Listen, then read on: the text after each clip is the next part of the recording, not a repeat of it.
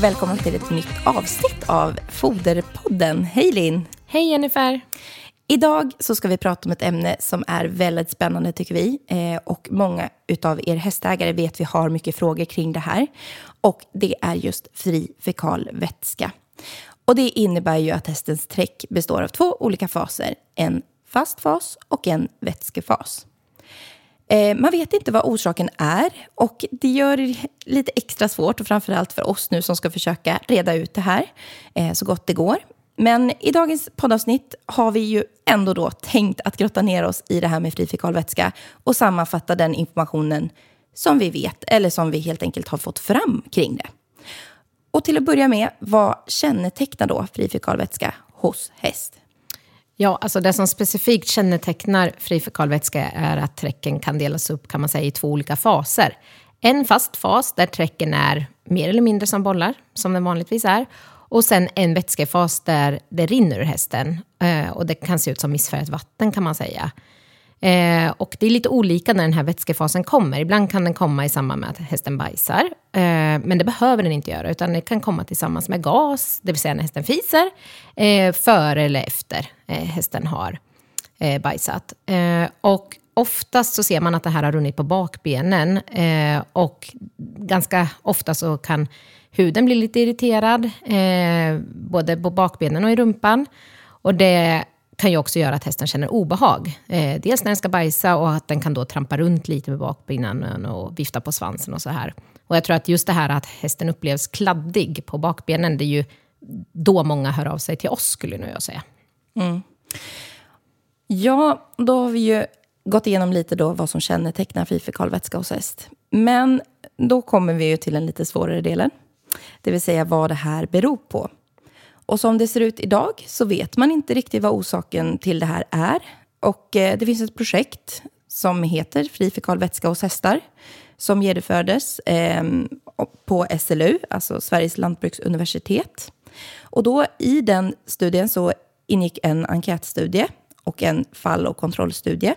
Och sammanlagt då så ingick 339 enkätsvar från hästägare vars hästar stod uppställade i Sverige eller i Norge. Och eh, Linn, du kanske kan förklara lite vad man kunde se utifrån den här studien? Ja, i den här studien så såg man dels då att en viss andel av hästarna eh, visade mindre symptom när man bytte från ett inplastat grovfoder till hö. Eh, och vissa hästar då som bytte från plastat grovfoder till bete fick också mindre symptom. Så att en del av hästarna eh, blev bättre helt enkelt när man bytte grovfoderparti och också då bytte från ett plastat foder till antingen då hö eller till bete. Eh, men det var långt ifrån alla hästar som blev bra. Eh, så det här indikerar ju att fri inte bara kan kopplas till just utfodring av eh, inplastat grovfoder, utan att det finns andra orsaker än bara då ensilage eller hösilage som gör att hästarna får fri fekalvätska. Ja, för det hör man ju ganska ofta. Att om min, min häst är känslig för hösilage och, eh, och den blir dålig då. Men det är alltså inte så enkelt att man bara kan kalla det för en hösilageintolerans. Alltså. Nej, så enkelt är det inte. Utan utifrån de, det som finns studerat idag, då, det är som sagt vad behöver ju studeras mer, eh, så har man sett att fri fekalvätska kan komma i, hos alla hästar, och i olika typer av åldrar och oberoende av hur de, vad de äter eller hur man tar hand om dem. Eh, och jag har faktiskt själv haft en häst som haft fri fekalvätska och eh, på honom så fungerade det så att så fort han åt gräs så försvann problemen helt och hållet. Och så fort han skulle äta konserverat grovfoder, och det berodde både på hö och hösilage i hans fall, så fick han fri fekalvätska. Så att det här kan ju vara väldigt olika mellan olika hästar. Mm. Eh, och i den här enkätstudien så framgick det ju faktiskt också att en relativt stor andel av hästarna också hade haft problem med kolik. Och det tycker jag är lite spännande. Mm, alltså det man såg det var att 23 procent av hästarna har tidigare då haft kolikproblem, vilket är en relativt hög förekomst om man jämför med andra liknande grupper av hästar. Eh, vilket då också skulle kunna indikera att det finns ett samband mellan fri fekalvätska och en ökad risk för kolik. Men här behövs det också mer forskning för att kunna veta om det verkligen är ett samband eller inte. Men det skulle kunna vara. Ja, nu har vi pratat en del om symptomen, det vill säga träckens konsistens och vätskefas. Och vad tror man det här beror på? Eh, det vill säga, vad är orsaken till att just fri fekalvätska uppstår?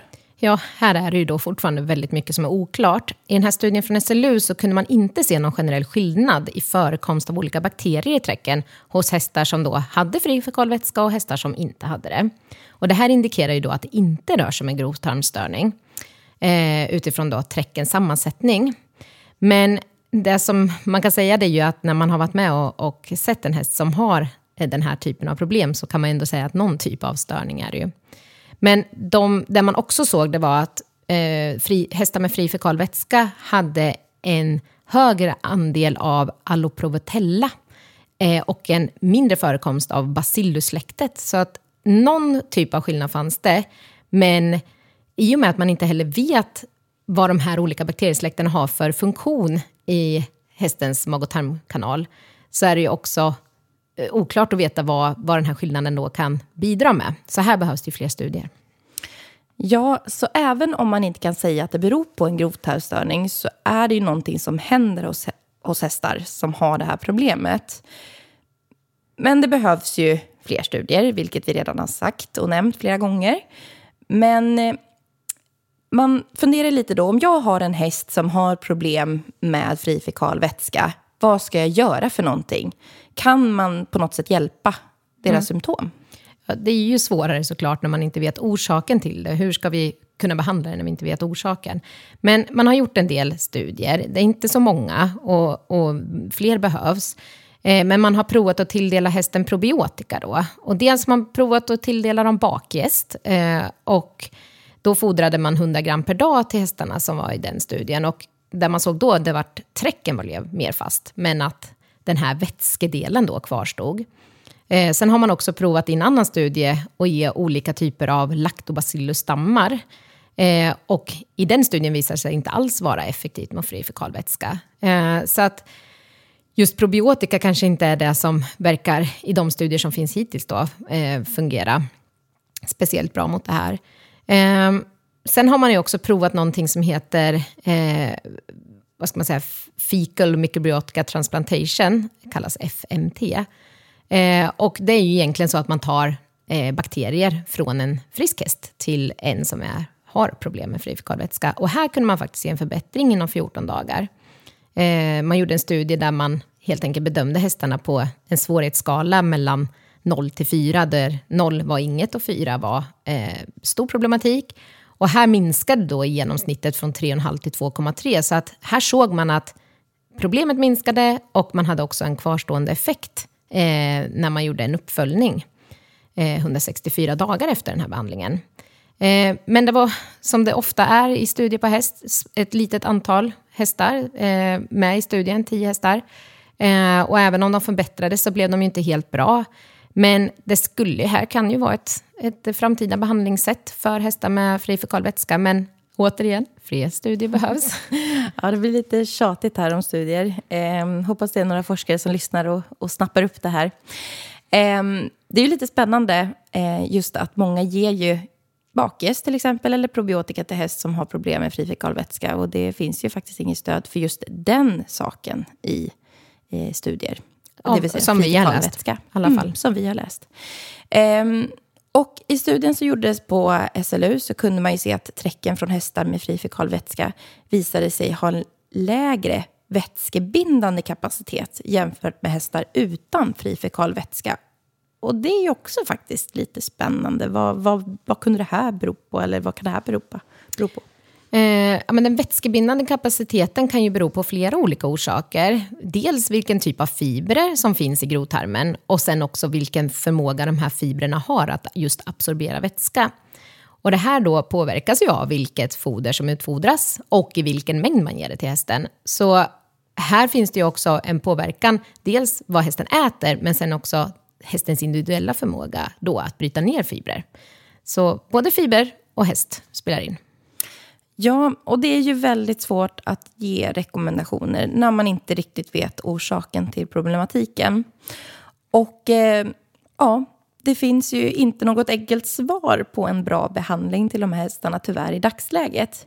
Men eh, Linn, vad har du för erfarenheter kring hur vi ska fodra hästarna med frifekalvätska? För vi stöter ju på det väldigt ofta, skulle jag säga.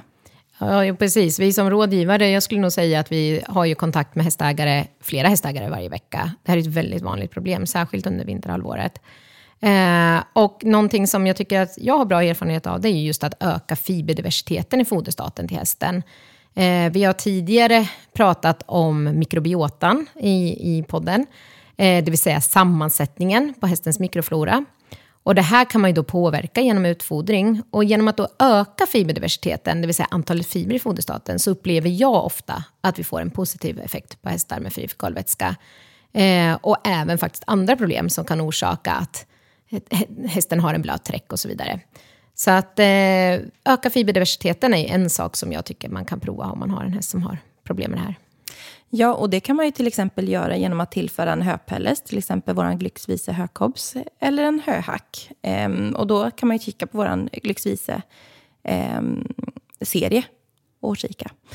Ehm, och för fördelen med dem är ju just det att det är en bred sammansättning, en stor variation av olika typer av fibrer. Och det har ju vi väldigt bra erfarenhet att det brukar funka många gånger. Ehm, man kan ju konstatera att det här är ett problem. Ehm, och för problem får man ju ändå säga att det är eh, då både hästen och... För det, att det är ett problem, det, det, måste vi ju faktiskt konstatera att det är. För att både hästen och ägaren påverkas ju av det här. Och det behöver mer forskning kring det.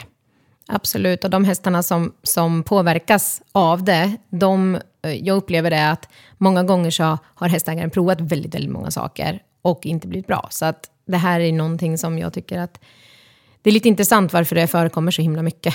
Eh, och ännu mer i år nästan. Verkligen. Och jag tänker att det kan ju faktiskt vara så att det kommer att vi gör ett ytterligare avsnitt om just det här ämnet. För att det kanske kommer mer forskning kring det framöver. Absolut, det kan nog vara ett avsnitt som vi kommer kunna återkomma, eller ett, eh, en, eh, ett ämne som vi kommer kunna återkomma till. Men om man har frågor eller om man har en häst som har det här problemet så får man jättegärna höra av sig till oss. Vi har bra erfarenhet kring det. Och då kan man ju antingen mejla oss på infosnabelahippolyt.se eller så kan man ringa oss på 0413 486 100 så hjälper vi dig med rådgivning till just din häst. Absolut, men du, då tackar vi för oss idag då. Ja, tack så mycket. Hej då. Hej.